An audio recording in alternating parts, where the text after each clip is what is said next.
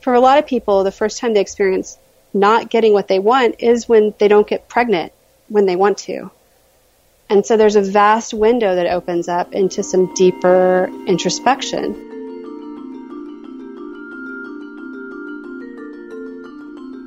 Today, we're talking to Dr. Julie Von about the powerful, complex, and very emotional link between spirituality and fertility.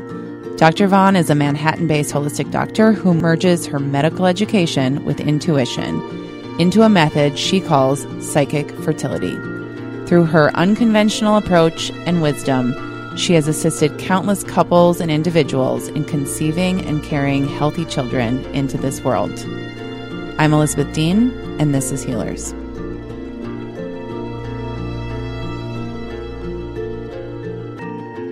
I have to I have to kind of laugh cry a little bit that I just got asked last week if I had frozen my eggs since I'm nearing mm-hmm. 40 and my heart broke a little bit even though it was with good intention and.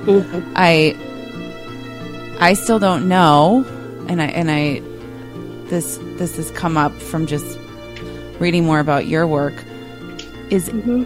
age and these and hormone levels and I think you know ovulation and kind of the criteria that everyone has seemed to gauge when is the right time to have kids. Are those do those still hold true? Or can mm. we can we blow the walls off of off of that a little bit? You know it's a very tricky question. It really is. It really is. Because I, I, say this statement again and again to people is that the narrative that circulates in society, you know, it has effect. It has an effect on on you and you and you on on the way we believe. So there definitely is, um, you know, the more the medical system, your friends and family, people say, you know, you're 39, what are you doing with your fertility? The more that fear is there, there is a trickle down effect that really it can affect your being. You know, the narrative that circulates does affect the way that we live. So it's, there's a kind of a way though that depending individually on you, the path that you've been on, the life that you've led, um, to some degree, the, your genetics, your transgenerational history, the care you've taken of your body. These things are a, a variable and a factor that can't be included in, in somebody just saying something as simple as, well, you're 40, your biology is running out of time.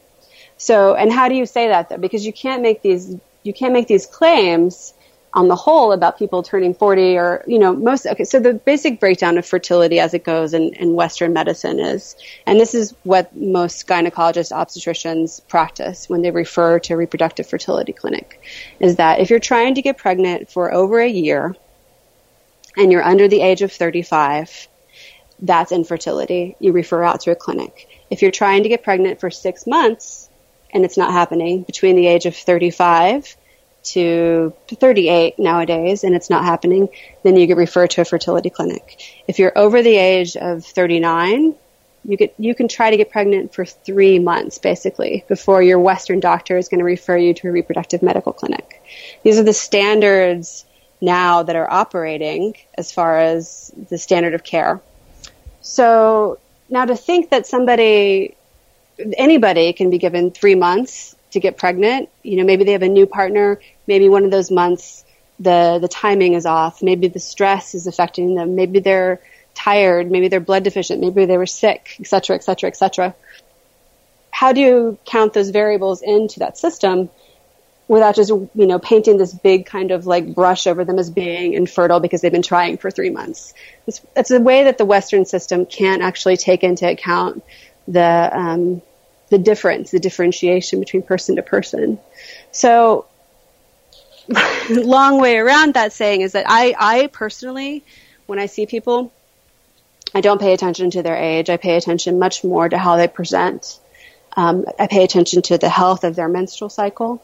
I pay attention to uh, changes at ovulation. Are they getting discharge? Is their libido going up? I get I pay attention to their general constitutional health how healthy have they been in their life? What pharmaceuticals have they taken? What drugs have they taken? Um, I look for the whole story before I just go to, oh, they're 41. This isn't going to happen, right? Right. Well, that's reassuring because to, to add be. to add a, th- a three month uh, window to it is is gonna we're just getting into a mind game. Then I mean the pressure is is gonna have it's gonna take its toll. Um, exactly. I mean we know people who don't have great sex for three months. so I mean, yeah. throw throw throw a desire for a kid in there, and it's just that sounds like a blink of an eye to me. But um, when do you when when do people usually come to you in that uh-huh. spectrum and in that phase of their like where in their journey? Yeah, yeah. It does indeed drive me a little nuts though. Any reproductive clinic that you ever go to, they never ask you at all about your libido or your sex life or any of that. Like it's never even, we're talking about reproduction, right? And we're not talking about sexuality in the same conversation. So it, it's, of course, you know, your sex drive as a part of how you want to reproduce. The things are, they coalesce. So, um, and we people can't, usually come. I'm sorry. Ahead. I mean, this is, this is the, this is obviously the healer in me. Like there, love has love and having those positive emotions around reproduction have to have some, while unquantifiable, some value to what you're manifesting. If that makes sense, absolutely, right? Your yeah, intention ab- in being able to envision this, and this is an act of joy and love. And again, I'm speaking as someone who hasn't been through that. Just you know, let's put it on the calendar and I'm ovulating, but it's got to play a role just like anything else in life that we want. Mm-hmm. Yeah, and definitely, I mean, you know, what science calls the observer effect, how once you start to pay attention to something, it, it, you, the phenomenon that's being observed is changed. So for a lot of people, that's what happens when you start to, you know, put it on the calendar or open up the, the floodgates, so to speak. Like it's once you start paying attention, you're shifting the energy in your in your entire body and the mind spiritual connection. So I do like the default going. I always say keep it fun. I tell people that keep it fun, keep it light, keep sex fun. Like have a good have a good time. For don't forget about like the connection between you and your partner as being the most essential thing here because once you get pregnant, I mean, we're very goal oriented in this society. We're very much about having or not having or obtaining. And, you know, getting pregnant and having a child, it's not a material substance. It's not from the earth. So you can't use the same kind of logics that you use when, you know, preparing for a 5K or working up to get accepted to this college or, getting that new position, you know, you really have to use things that step outside of the material to help with the process. Did, um, did something shift or when? I mean, I remember, well, I don't remember actually, but there was a time, right, when when and people maybe weren't using birth control then and it was it was tied to religion possibly but when when having a baby was kind of up to the universe when you were going to have it what the gender mm. was. I mean, I know people who are trying to get pregnant based on um, what's going on with their careers, travel schedule. They hope for a certain gender. Like it is, it is planned. Mm-hmm. I mean, that's a little delusional, but like there is this ideal scenario that they've already created in their minds before sure. they even start trying. Yeah.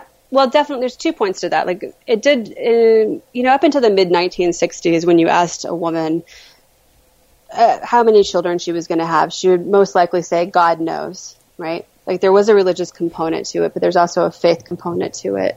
This aspect of not knowing, um, which is contingent on having a sense of faith or belief. Usually, at that point, it was based off of religious structures. Um, the the downside of breaking free of more oppressive religious structures that were not so positive for women necessarily um, was this more of this kind of pressure kind of coming down on your shoulders. Um, it also matched up with our, our liberation and our, our, capacity to be in the economic system, to be uh, to have reproductive freedom.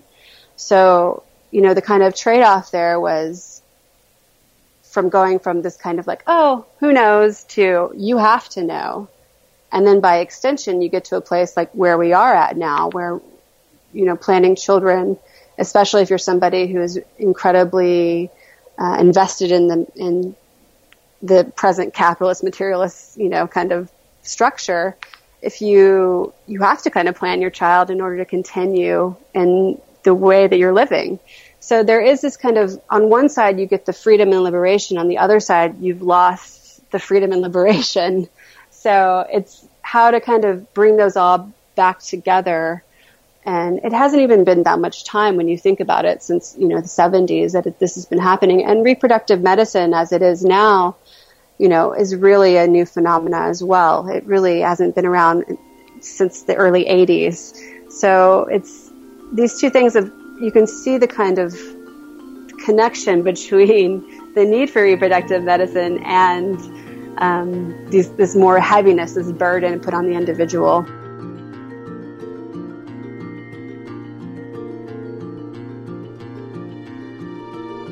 As I got closer to us recording, I, I started having this moment of, okay, it's not an area where I feel as qualified to talk to you as I do with so many other topics that we've covered that I have more personal experience with. So I invited a, a dear friend of mine, Christina, to join us. She's also a mother who has experienced her own um, challenges and long journey with infertility before having um, a beautiful daughter. I just thought that she would round out this conversation.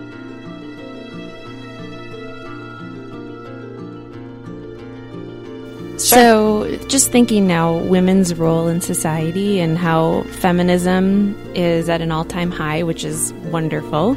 Uh, but the role that women play now versus in the 1960s, where those women were most likely staying home. And mm-hmm. now I look at myself and Elizabeth, and most of our friends are running their own businesses or they're, you know, working in corporate America, traveling a lot. And so I see the need to try to control the variables around getting pregnant. Um, but I also see the incredible amount of stress. And I notice on your mm. blog that stress certainly inhibits fertility. And mm-hmm. I think it would be really interesting for the listeners to hear a little bit more about that. Sure, absolutely. Stress does hit, you know, stress inhibits fertility. Uh, an extreme case of this is why people don't get pregnant in extremely traumatic situations such as concentration camps or um, imprisonment or um, you know any kind of form of slavery. You definitely, when trauma trauma is exposed to you in an extreme amount, your body basically shuts down reproduction. On a much, much, much less extreme version is just the way generalized stress from the environment, um, either from from overstimulation, data, from technology to environmental exposures to um, I find I think that all of these are stressors from the environment. Um, lack of like consistent um, circadian rhythms, going to bed at a certain time, um, inconsistencies with that. All these things in the body, your body is a beautiful, beautiful machine that is always trying to find regularity. It's trying to find regulation. So, for instance, when I work, I mean, I work with people in my clinic, but I also work with people around the world doing fertility coaching. And basically, my main tool when I'm working with people, outside of a lot of uh, spiritual practices and, and some really cool intuitive work, is to take something called the basal body temperature. Now, a lot of people are aware of this who've been through fertility or infertility.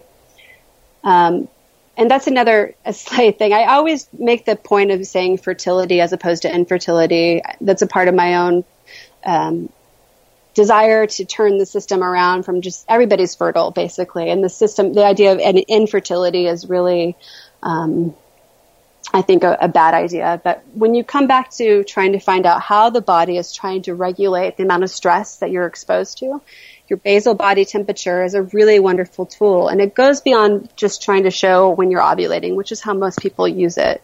But for for me, when I'm using it, I, I have my, my clients track their basal body temperature, which is your temperature first thing in the morning before you get out of bed. The very first thing you check it and you write it down um, before you get out of bed, before you do anything. And then you track it throughout your cycle. And in general, the basal body temperature stays between 97 to 97.5 during the first part of the cycle, which is when you're growing, um, when your eggs are growing, when estrogen is dominant. And then it switches over and it goes higher to 98 to 98.5 in general. In the first part, you know, these are all variable. Like the first part of the temperature can definitely be 97 to 97.8. But what you end up seeing is that there's this, the way stress affects you can be shown in the way your body is trying to regulate it. For instance, if you go on an airplane trip or you're under a lot of stress, your temperatures are going to be higher in the first part of your cycle. If you're under a lot of uh, physical stress, if you're exhausted, your temperatures are going to be lower in the second part of your cycle. So you get this kind of data on, on seeing how people, like how the effects of stress are really affecting your body and by extension, your fertility. So that's one example of how you can look at the way the body is affected by stress in the environment. But the tricky thing is that, you know, some people do, they have better constitutional kind of mechanisms to deal with stress than others. Um, you know, the same person who flies on that flight and sits in a really stressful meeting can go home and go to sleep and the next person next to them can be deeply affected by that stress. There's so many circumstances that come into that. So that's why fertility ultimately is something that's very, very individual. It's, it's very, um, there's a need for it to be differentiated and customized. You can't put everybody into one box. And even if everything looks good on paper, so often when things do look good on paper, there's another, there's a whole other element that's coming into play that isn't on paper. and how do you actually take that into account? Those, those other unseen variables. Um, so, I mean, one is to kind of, one of the ways to figure out how stress is affecting your fertility is to identify what actually in your environment is affecting you outside of fertility. Like bring it back into your own health what is eliciting a response from your nervous system, what is affecting your hormonal body. And then after that, you can look at how your cycle is being affected, if your ovulation window is happening when it should. And there's tools that you can take to actually go back and correct the way the stress is affecting you before you get into just the goal of getting pregnant. Well, I think we all need the stress test because, right? Um, we Check don't your we, BBT. Do your BBT. Okay, okay. Um, we don't even know we're stressed out sometimes until we get sick or we can't get pregnant or something falls apart. Basically, so mm-hmm. um, and and it is so individual what those thresholds are. Mm-hmm. Are there what are what are some of the tools that you we talk about self care a lot on the show and, and it's not just it's not just a platitude it, it's real um, mm-hmm. And what are what are some of the ways that you kind of that you tend to what do you tend to prescribe right out, out of the gate if someone's stress levels are off the charts? Sure, sure. It's you know it's I'm always very deeply looking for the deepest root. Uh, symptoms are fascinating and they're they're brilliant but most of them point back to something that happened or something that was the initial trauma. So I feel like for a lot of people, it depends on where they're at and what space and time they have to actually sit back and look for what is creating the symptoms or what's allowing them to be in a situation. Uh, what in what in their overall path has brought them to that point in time? Where the amount of stress is, is visible or not, um, is affecting their fertility or not. Um, I like to look at the health of their relationships, um, their partnerships. Um, and if there's even, even if on the surface they're good, I like to go back a little bit deeper and, and see like what the history of their relationships and sexuality are. Um, it's quite analytic in a way. I like to find like a deeper kind of process as to what people are, you know, what their desire is and what they really want. Um, so with stress in general, you know, all the an old doctor who taught me a long time ago, years and years and years ago. He told me there's so there's three things you can do with stress. One, you can avoid it altogether, which is really hard to do. Two, you can balance it out with things like acupuncture, meditation, good living, like positive sleep, all these things that really just are like your core of self care, which I put a lot of, um, I think that's very important. And the third thing, which is the hardest thing, but the most powerful, is to, to change your perspective in general of what that stress is as it's coming in. And that change of perspective oftentimes takes some, some real introspection into what's happening behind the scenes. Um, but I, I really do believe, and I've worked with women now intensely for 20 years, all types of women, and women at the height of their professions in New York City. So they're, they have tons and tons and tons of very, very smart, very creative, very ambitious people. Um, but they, the, the kind of, the trade for that still is this putting yourself on the back burner. And as that is shifting with, with people who do pay more attention to, to blogs and to, you know, to wellness in general, there still is a, a, deeper kind of question you can ask. How can you even do that better? How can you prioritize your self care even better? How can you make sure that the, the choices that you're making for your self care are going deep enough into what your actual, your soul needs, um, not just what your physical body needs? So there's many layers as, as to what a person can, can do to affect stress in their life.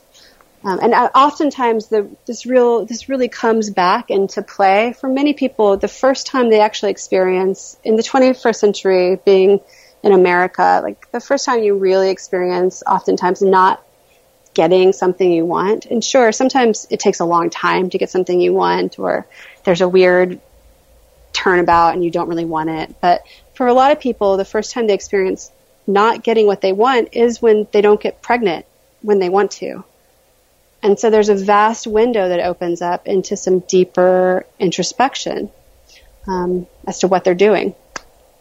That's incredible. I got to imagine a lot of your patients are perfectionists, firstborns, a lot of them very career driven. Why isn't this working? I've done everything. I read every book. I mean, we, we are even, I was laughing when you were talking about self care. We're competitive. Uh-huh. We we're competitive with ourselves on that. Like, yes, I know. Is I know. this the cleanest diet, or is that the cleanest diet? Mm-hmm. Did I get enough? I mean, just am I doing enough yeah. yoga? Oh, I'm beating myself up that I didn't meditate today. I mean, I forgot to eat my mulberries. I forgot to have my smoothie. exactly.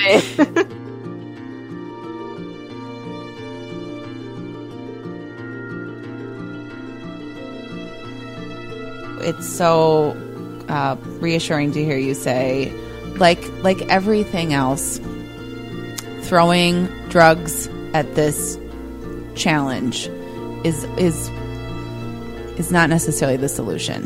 There there is there are so many layers to peel back on why you might not be conceiving or carrying a child to term, and um, just bravo to you for for starting that conversation with people.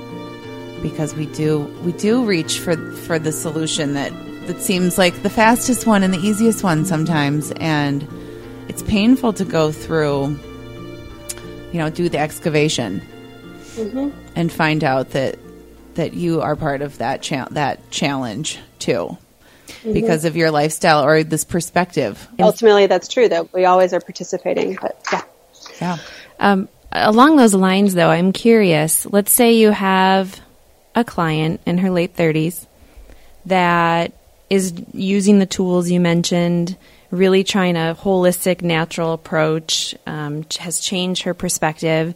Is there a certain time frame? You mentioned the Western med- medicine time frame of you know somewhere between three and six months.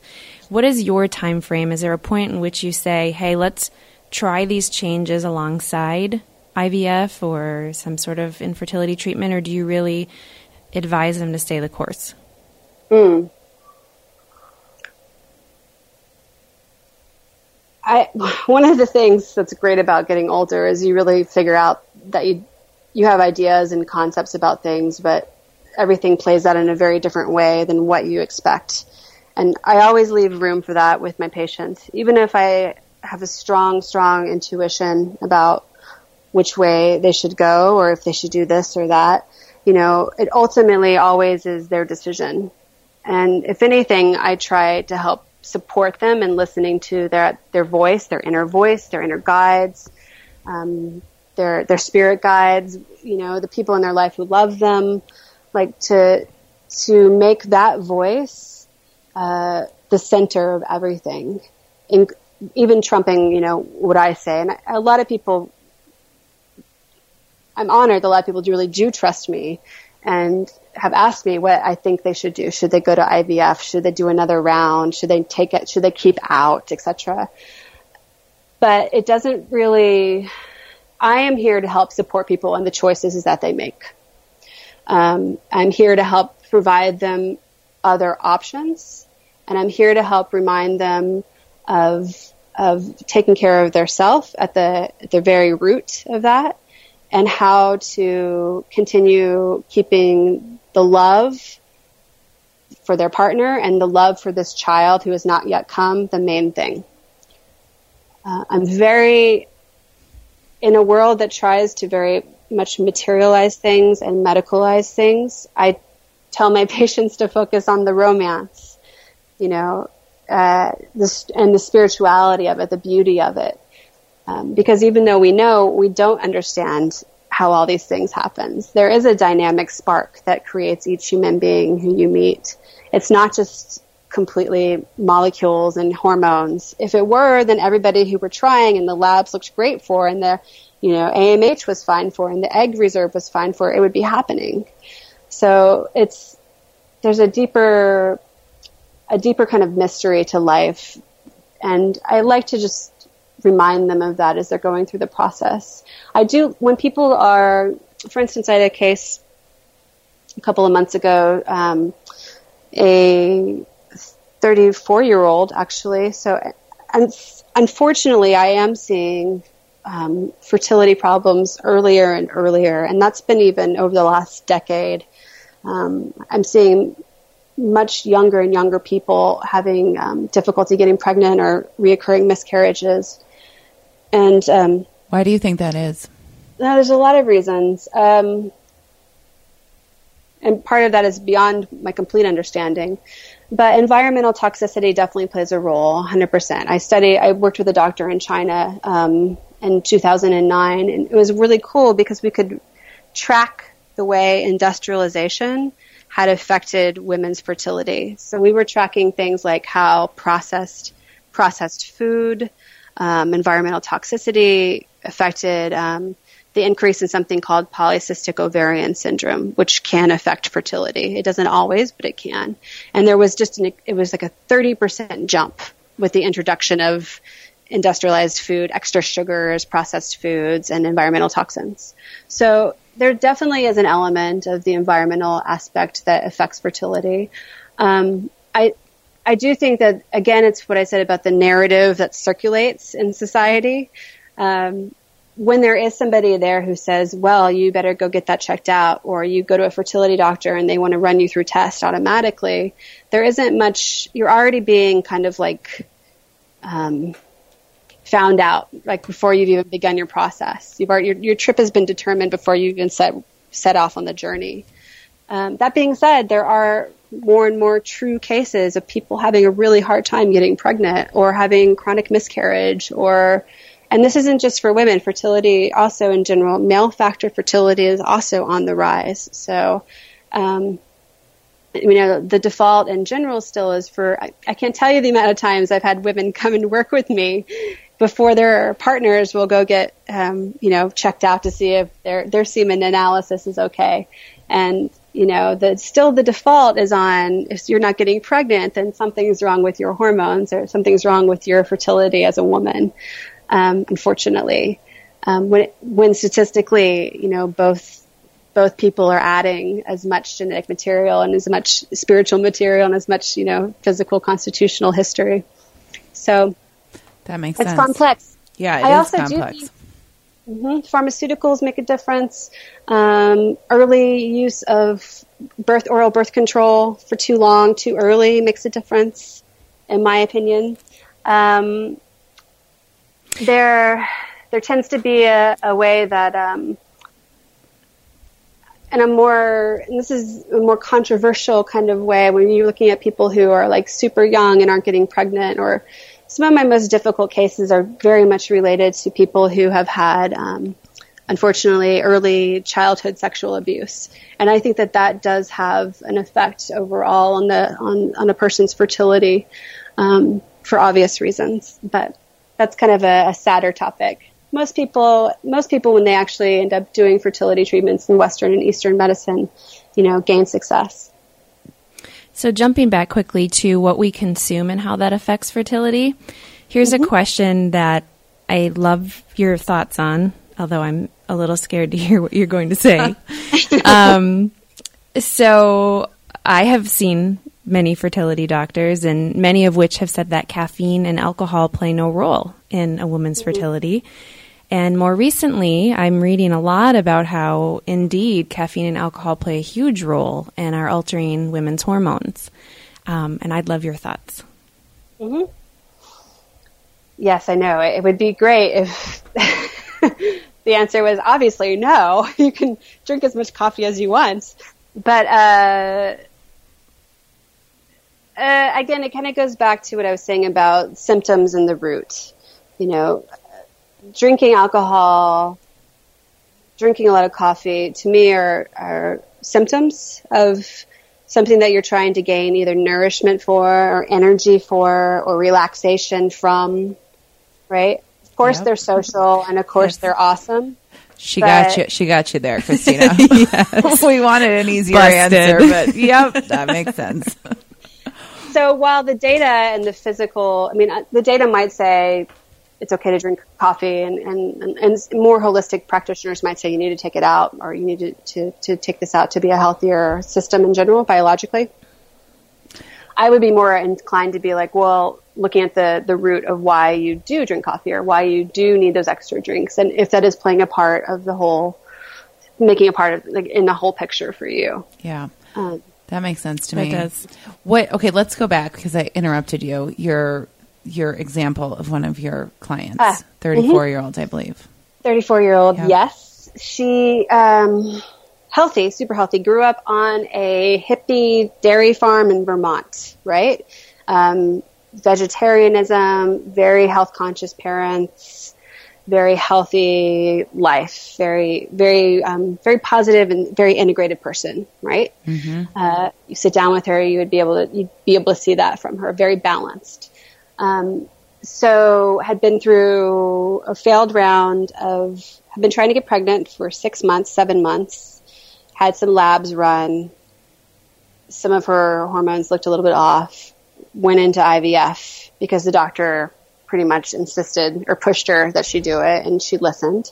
Um, and went right into it that next month without any kind of time to take a breath or to prepare. Um, and had a, uh, failed egg retrieval, only retrieved one egg, and usually at, and this was when she was uh, 32. Usually at that age, they expect to see at least 15 eggs retrieved for one cycle at minimum. So took wow. some time off. Didn't didn't know what to do. Also, it's expensive. You know, IVF is twenty thousand dollars. So um, took some time off. Started working with um, a um, a acupuncturist in New York City who I know and for fertility and wasn't really getting anywhere, wasn't getting pregnant and everything was looking okay as far as her cycle length, her fertility window, her, you know, her partner's sperm analysis was good. So she came back to me, she re- was referred over to me and we started to do some deeper work on, you know, what was happening, where her fears were coming from, um, some deeper holding patterns that she had about um, being a mother, um, and and actually her fear of of going back into IVF. She accepted the fact that if something was not working so greatly with her producing eggs that she was okay with going back into IVF, but she was afraid to do it again and it to be unsuccessful. So what we did is we we kind of left all the material there. We said, okay, let's just take a break. Let's just go back to you at the core. And we started to do some of my more spiritual practices that I use with people when they're trying to get pregnant, um, and they are have been through IVF or probably are going to go back through IVF. Um, I make it very woo woo. I go as spiritual as I can. I have my patients write, for her, for instance, I had her write a lullaby to her unborn child, right? So the practice was start to write the song, find the hum, like the, the melody to it, like start humming it. And she created a lullaby, right? To mm-hmm. her, this, that in that lullaby, she got to express her fear, her, um, her desire, her love, her want to do it. Um, and she got to carry that with her throughout the day whenever she was feeling anxious or afraid, she got to use that song, that music then to connect outside of the material, right? It gave her a window to have uh, connection and some faith outside of what was just around her. Um, I have that's goosebumps. one example of the things that was that beautiful. yeah, we're getting a little weepy here.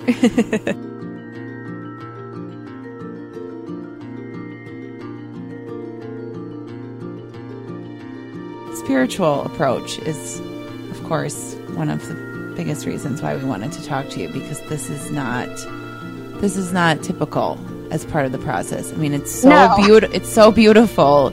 It's so simple. It's I mean, I, I can't think of something more vulnerable than to even consider having this baby that you want so badly, but it's not here yet. But you have to really pretend it is and then go through all of those emotions of writing a song for it and singing it. And imagine having going through a long journey already of failed IVF attempts, and you literally have to retrain your brain, I can imagine, or imagine because I've been there, to believe that it's going to happen and believe that your body's ready to conceive. And um, that's not an easy thing to do. No, it's not, but women are capable of it. Mm-hmm. So we now we need to know if she ever had a child. She we worked together for four months. I actually always thought that she'd be able to get pregnant on her own without Western fertility medicine, but she decided to go back into it, which is great. We supported I supported her through that. Um, I gave her a lot of like physical tonifying things, like some she did some really consistent acupuncture and some other things and herbal medicine and some like blood stuff and changed her nutrition a little bit. But the main, the whole of the core in between that failed IVF and the three months that we worked together was a very spiritual practice. Um, she went back into it first round, um, very healthy um, IVF cycle, produced I think 12 eggs, uh, seven of them fertilized and implanted two and uh, now has a healthy baby. So, yes, it did work. Wow. And you know, the the science on that is really difficult. Why would you not get any stimulation that produced only one egg versus three, four months later having a very different story?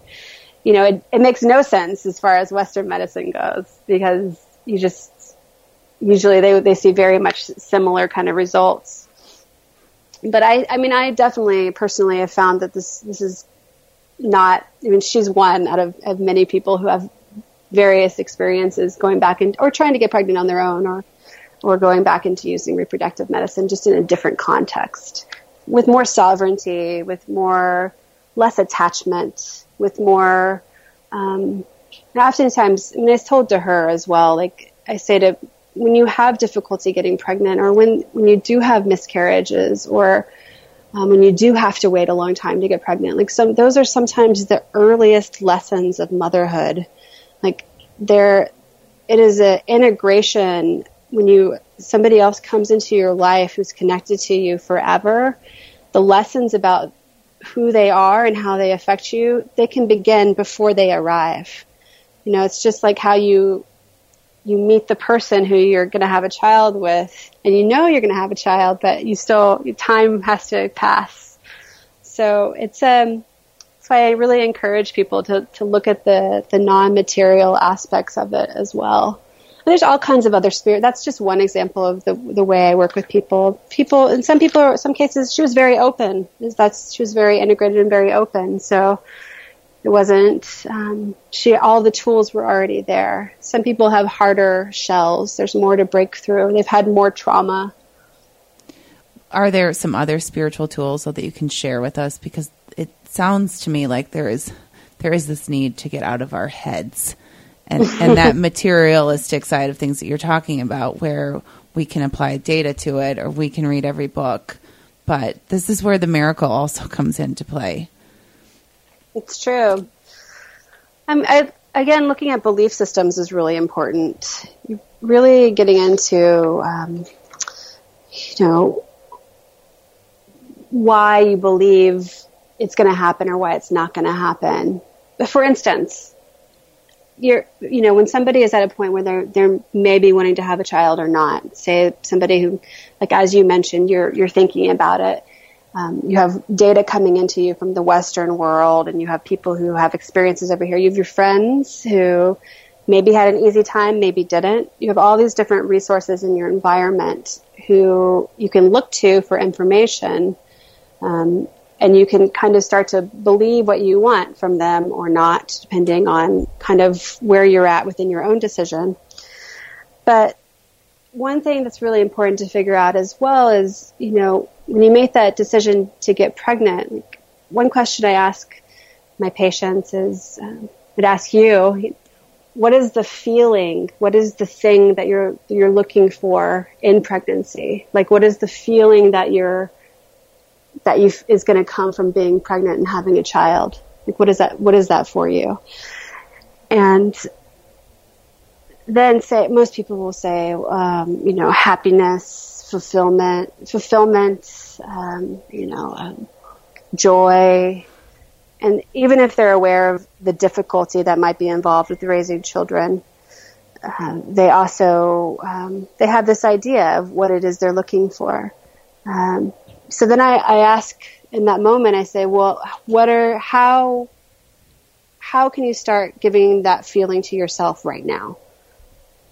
Right? If you're looking for a sense of like harmony or fulfillment, joy, how can you find that for yourself right now? Um, so, so you right now, then you start to just pull in it's kind of this is very much like law of attraction type sure, stuff. Sure, I'm mm-hmm. thinking of a um, Wayne Dyer book. I'll you'll you'll see it when you believe it. That's great. Yeah, that's a good example. So you know, checking into your belief systems, especially like when it comes to children, because it's it's hard to understand what a person who is not you is going to do to your your life and your body, but it is. It's a totally different energy. So is that thread of desire that comes up is I want to feel like, you know, like somebody loves me and I'm happy and I'm like, you know, family, the family's complete. How can you do that before it actually happens, right? So what you're doing then is you're just like, you're, you're using the future, you're, you're, you're creating the pathway into the future with, with the, the emotive state. That's a very, really powerful one as well. Um, really important actually to get really clear with that stuff as well. Um, that's another example. I mean, I have so many. I bet you do. Now, are we ta- all of the things that we're talking about on, on the spiritual and sort of the woo woo mm-hmm. um, mm-hmm. line of, of thinking? Does this fall into this concept of psychic fertility that you've created Definitely. in your practice? Okay, I would. We would love to hear more about that. Definitely. Uh, yeah. Well, so after doing a very kind of, uh, even though I've always been woo woo, if you will, I we like you so was, much already. We relate to that. you're, you were born with that gene. Yes. the woo woo gene. Yes. yes. Uh, it's a good one. Uh, it so I did kind of go a little bit more uh, legit in a way. I tried to be more like in the last probably for a good decade. I was doing more of integrative medicine, and I'm very I was very concerned with how hormonal labs were affected by herbs or acupuncture or how you could get really like seeable changes that were kind of integratable into the whole system. Like that's how I thought I was going to do my work. I kind of put my woo woo aside a little bit to go back into the system to really affect it in a way that I felt was um, both as a, a feminist and somebody who really cares about people not falling through the, the cracks of the medical system, especially women. Uh, I wanted to be an advocate in that system. What happened though was after being in that and working with like all the top fertility doctors in New York and around the world is that I started to see like what do you do for these people where everything is looks okay and it's not happening? Like what do you do for the person who is falling through another level of falling through the cracks? Who doesn't even who even like alternative and holistic practices isn't really quite approaching or, or getting you know understanding. The one who doesn't and, make sense on paper, no matter how you look at it. Right. That's right. And and then I, I was reminded of you know just the power of going back to that. If you ask a woman in the '60s how many children are you going to have, they say God knows, right? Like just the power of not knowing and also relieving yourself of a kind of burden and responsibility to always have the answer. Um, there's a concept also a beautiful concept in Chinese medicine about um, these unseen pathways. All most of the energetic channels of the body that um, people work with at acupuncture, lung channel, liver channel, spleen channel, they all make sense. But these kind of invisible and more esoteric channels that have been passed down for 5,000 years, there's a there's one that connects the brain to the heart, and there's one that connects the heart to the uterus. And you know, those invisible pathways are very significant. If, if we're so much in our brain to our heart and somewhat disconnected from our, our heart to our uterus, or if there's been some trauma in the past, or if there's been experience that keeps us from sinking in, then you can see how it's going to play out um, when you turn the brain to the heart off and go more into the brain to the uterus. So I, I started to think, what can I do? Like, how can I really help these people? What can I really do other than what I'm doing? Because I'm doing everything. And I, and the question kept on, kept on coming back to how do you, how do you relieve people from having such personal stress and responsibility? Like how, what tools can you give them so they're not so inundated all the time, the fact that it, it's on their shoulders and I thought, well, it's the tools of the esoteric. It's the tools of the spiritual. It can be the tools of the religious. If the religious system also is, is one that is pro individual, is the religious system is one that supports uh, a person's choice, then I think it, also can be that as well. But people have broken away from religious structures and, and sadly they've lost a, a deeper sense of like that kind of awe and that, that that universal kind of mystery. So I was like, let's let's bring back the esoteric, let's bring back the woo woo, and I started doing. I've created a, an oracle deck that's actually at print right now, so that's coming out. It's based off of like it's a I call it the psychic fertility oracle deck. So that's a fun thing to do. I put all these like different kinds of ways you can use astrology or whatever practice it is that makes you feel good and gets you connected. Is it is it dance? Is it like five rhythms dance? Is it this? Is it, is it meditation? Is it music? Is it singing? Is it painting?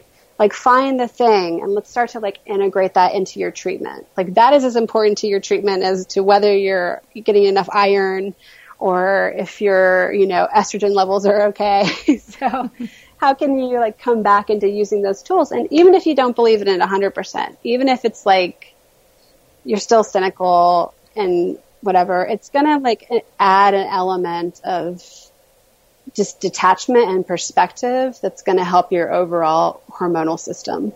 It's, it's always comes back to getting back into your body and your heart space mm-hmm. and we get really shut down without realizing it and mm-hmm. um, I'm I'm really excited about this oracle deck. well, Thank you. It's yeah, pretty beautiful. It sounds. I'm excited do. Yeah. So, are you psychic? Are you intuitive? I am. I am. We all are. Mm-hmm. I really like. I really like uh, Sonia Choquette's work on, you know, just how we all have the sixth sense and how you can, um, you know, use it or practice it. And, and, but I've relied a lot on my intuition in my lifetime, and I hope I, I rely on it more and more as I release more of my, you know, ego. but um, I, you know, for, for women in general, uh, there's a, especially when it comes to reproduction, there's this kind of, this energetic that's very hard to translate in just the cognitive rational mind. So I think it's important to, um, you know, use that. In my work with people, I do, I do the gamut of work. I, sometimes I do very, very kind of traditional medical intuitive work where we work through things completely on an intuitive level. Um, somewhere in between there is some some more directive uh, kind of emotional like freeing of armament. Another really lovely patient who I worked with who had you know called me after she'd been trying for maybe eight months. Um, and this was um, on online. I was working with her, so we did we did the physical stuff. We did BBT and customized herbs and all this stuff, and really got her cycle straightened out. I was working with her for a while, but it wasn't until we found this this cord of a belief system that she had, which was that she she finally remembered she had a dream that she was going to have a girl, and she was very upset about this because it brought up the memory of her mother telling her when she was a child that she really hoped that when she grew up and had children that she would have a girl that was just as difficult as she was. So she would know what it was to be in pain. And i mean just imagine saying this to your you know seven year old daughter right? But i can't. that, that left a seed in her it was representational of, of what she grew up with as the feminine goes right? And also bad parenting. Because you know your only job as a parent is to like make space and to love and you know you don't have the answers but and, and no one's perfect at it. But those deeper kinds of beliefs they grow into things. That root can grow into symptoms. So we did this practice with her and it's like wow this is so significant. We went back into her finding like really visually sitting down in a visual meditation of her talking to herself at seven years old. And really like providing she became a new mother for herself basically. And she deconstructed that stuff. She turned the tables on the fact that like she was being difficult and awful. And actually it was just the mother her mother who was actually being difficult and awful.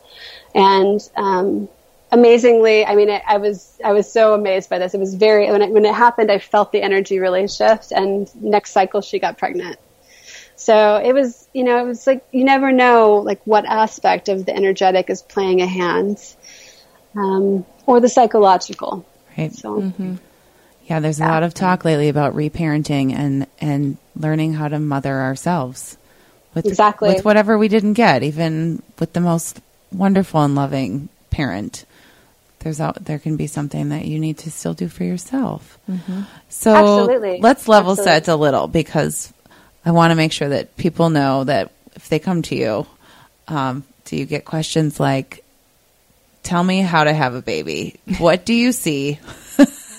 Am I going to have a boy? and, or is this more of you being able to sense what is, what are some of the, of those tools and methods that's going to serve your clients, whoever's in front mm-hmm. of you? Is that, that sort of spiritual sure. guidance that you receive? I can do both, but I'm much more helpful to people um, in the secondary realm where we work through the intuitive together, where we work through the holistic medical, you know, side together, where I help them be their own advocate um, if they're going through Western medicine together, right? So that way, the, back, the empowerment's back in their hands. I'm not just some oracle somewhere giving them some advice or information, right? Like I can do that too, but what's more, in my opinion, more effective and more supportive and more transformational is uh, the whole integrated package. And to your point, we all are intuitive naturally. We just sometimes it gets stamped out over the years. And I would imagine that, and Christina can weigh in on this, going through some of those treatments, the more Western methods, not everyone knows how to even like listen to themselves on, oh, I don't know. This drug does not sit right with me. I don't feel like myself or something is off, but this is what my doctor told me to do. And so being able to come to you and have mm-hmm. someone sort of say, no, let's look at how that's making you feel and um, and relearn how to advocate for yourself. There isn't really a question in there. but it's a very No, good point. true. It's, a, very good point. It's a very good point because most most reproductive medical centers follow protocols, and they're pretty fixed to their protocol. Um, they they run off statistics, and so it's very important to them to stay on protocol. But there are places where you can be like, this is definitely too much estrogen. Like you're getting way too much stimulation, or you're. I can see that like your your past history is not being like taken into account here. So let's circle back around. Call the doctor. Call the nurse. This is how you speak up for yourself. This is how you say what you're experiencing, and this is how you ask for something different, right? Um, it's very, it's very hard to do still. I mean, it's really, it's one of the saddest points to me that still in, in the medical system, people are, they really don't have much of a voice to speak up for themselves. Um, even in like reproductive medicine, some clinics are better than other clinics, but there's still this kind of standard of like this all-knowing kind of figure dressed in white comes in and tells you what you do to get a child and and then you do the- it. Waves the magic Yes, wand, and and it's such an emotionally charged topic to begin with Mm-hmm. that absolutely. you're willing to do whatever someone else tells you. I and remember a ju- lot of time and a lot of time your spouse does not necessarily support you and your intuition. They will go with the doctor or they'll like it's a contingency. It can really happen or you know it can be a split in a relationship a lot. So it's it's a hard thing. You really have to stand your ground and it's you need support in that time. I remember just feeling so confused. I'd leave the doctor's office to go, you know, inject myself with shots. And they would tell me one thing. And then I would go to my, you know, acu- acupuncture appointment that week. And she would say, you just got to envision yourself being a pregnant mama and just believe you can do it. And go into the doctor appointment and they say, oh, we're going to up your estrogen. And it was just this constant back and forth and it left me feeling very overwhelmed and confused. And um, you know, my acupuncturist was putting me on herbs to counteract the estrogen, and really, it was it was so overwhelming. And and I just wish I wish like in my dream world there would be this clinic where we could go to where you would meet with someone similar to yourself that was alongside you know an IVF professional if that's the route that you chose to go that they could that come up with a protocol or process together. Because i think mm-hmm. there's a lot of women juggling both where they mm-hmm. you know they want to do it holistically and, I- and ivf let's be honest is the furthest thing from holistic if you're trying to get pregnant um, but when you get desperate and that's really the route you want to go that's what i you know think most people choose after you know, Everything else. everything else has failed Yeah. yeah. Yeah. I mean, and to, and what I say to a lot of people is, for instance, the woman who I worked with, who we worked on the lullaby together, you know, it's very, I would say that the, the tools of the holistic that become really important when you do enter into IVF or the, the kind of forced the, the science of it is it's um they are those those spiritual tools because the material is taken care of. Like the material is then being like inserted and taken care of. So what do you do to help fuel it and and direct you know push it to the right direction? I think a lot of conflict and again like that goes back to belief structures it's you feel very guilty a lot of the times you feel like it's still your responsibility you've done something wrong something's wrong with your body and when you're somebody who's inclined to already question the system or to use more holistic methodologies, it's really easy to like guilt trip yourself or be uncertain when you're using these, these Western tools. And my idea is to be in a space where you do it in a really empowered and sovereign way. You go in there and you use those tools, right? You don't feel bad about it. You're just like, these tools are here for me. I'm going to use them, right? Yeah, good point. Like, you, you know, you don't have that like, or you don't have, you know, the sense of judgment from other people, maybe who are more holistic or who are judging you secretly, who you intuitively are picking up on.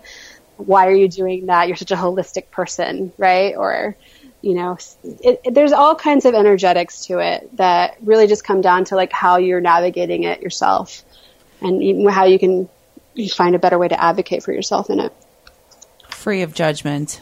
That Free of judgment.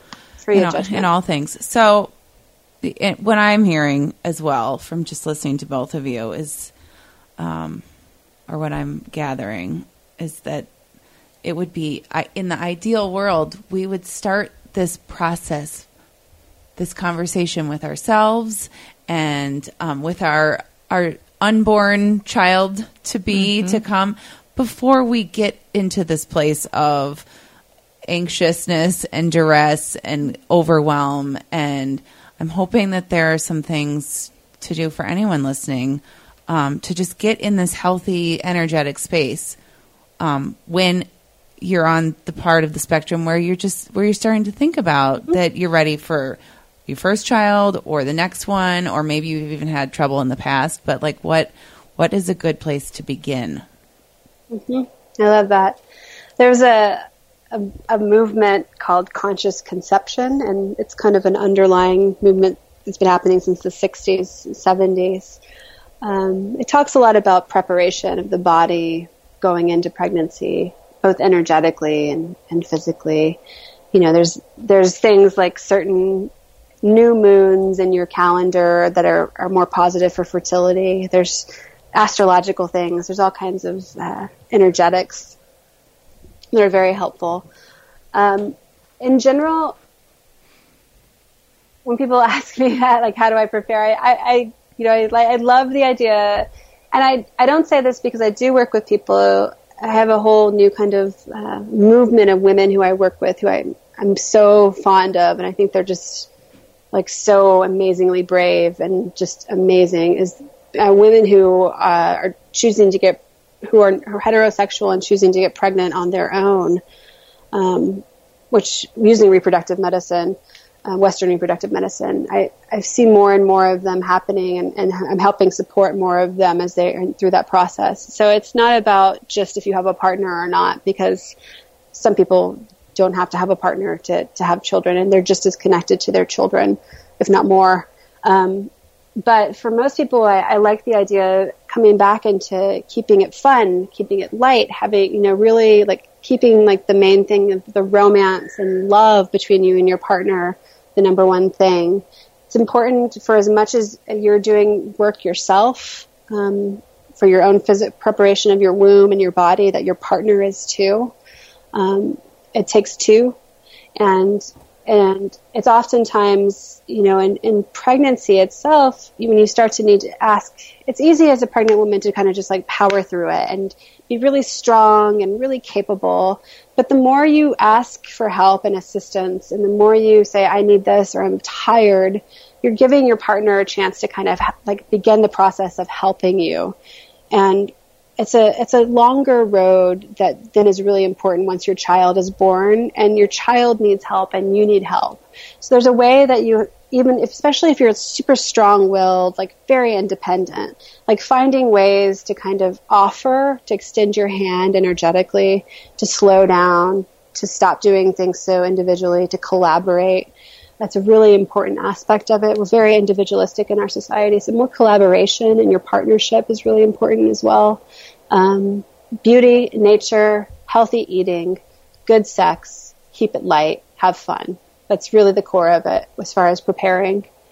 If you if you're somebody who if you have a suspicion, if you have an intuition, if you've picked up on a lot of messages um, from society or your friends, and you feel like something's a little bit off, if you feel like your connection between if you feel like it might be difficult for you or if you feel um, like, like something is blocked um, it's really important i think to to listen to that. Not to make it necessarily the truth of what your experience is going to be because it's hard to know. But if you do experience that little occurring it, something's off it's good to talk to somebody either like me or um, if you have somebody who you trust you can get a couple of labs run as long as you're okay with it not it just being more data that you're taking in and not some like going into getting the test done in a very like centered and balanced place where you're not necessarily going to take whatever the doctor says is like the truth.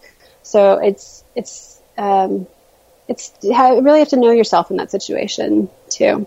I, I love your list of all the all the things. I think that they sound like sounds like a, a life well lived, no matter what. exactly. Yes, yeah. yeah. Isn't that the point? Is there is the anything? point. Is, there anything, Christina and you, Julie, that we haven't touched on that you wish that potential mothers, fathers, just walking the earth today that you just would would love to lovingly shake and tell them? Ah, what a beautiful question. uh, well, someone asked me uh, a couple years, maybe two years ago, why I even do this. Why, why do I work in reproductive medicine? Um, why do I care? And I, I had this kind of thing where I was like, I care about women. I care about healthy children being born. I care about, you know, really people being empowered from the beginning and having really good lives. And the more people that that happens to, the better. But, and then he was like, that's not why you do it. He's like, I think that's bullshit. And I was like, really? That's a really good answer. and he said, no, no, no, I don't think that's why you do it. Why do you really do it? And I had to like really sit with this question for a while. Um, and what I, I circled back around to was a, a belief of mine that I, I feel like the world is becoming a, a much more complex and difficult place. Um, and if you wanted to say so, the the dark or the bad on Earth seems to be escalating instead of getting better. And I want it to be better. Um, I want a future for the planet that is unified, peaceful, healthy. And for me, one of the best places to have the beginnings of that conversation are with the beginnings of a person's life. Well, So- that's a beautiful answer. That is. I think you both have um, helped a lot of people today, and I am grateful to hear this before I set foot on any journey of this this caliber. Um, thank you for sharing your very personal experiences with our listeners, and for being here. Thank you. My Of pleasure. course. Thank you. Namaste.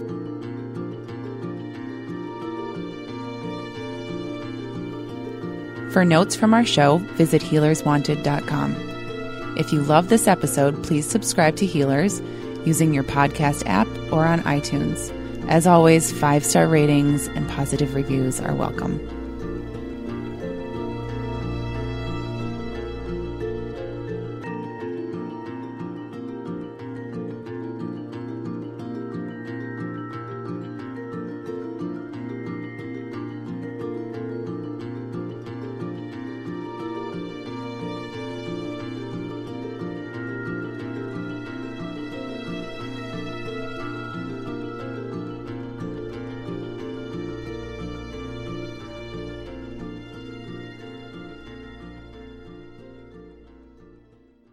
Now ADT can help protect your family at home and on the go. Get started with ADT's best offer an ADT starter kit and security camera installed free. A savings of $449. Plus, you'll get ADT Go, the new family mobile safety app and service for 24 7 emergency response. Go to ADT.com slash podcast today to take advantage of ADT's best offer with 36 month monitoring contract, easy pay, and QSP. Early termination and activation fees apply. Additional charge for ADT Go premium services after 331.18. Certain markets excluded. Licenses available at ADT.com. Offer ends April 1st. I'm Rita Foley with an AP News Minute. Thousands of residents of North Carolina are running for their lives after heavy rain from the big storm Alberto triggered landslides at a dam that's in danger of breaking. Missouri Governor Eric Greitens is resigning amid investigations about an extramarital affair and questions about campaign financing. I know, and people of good faith know, that I am not perfect. But I have not broken any laws nor committed any offense worthy of this treatment.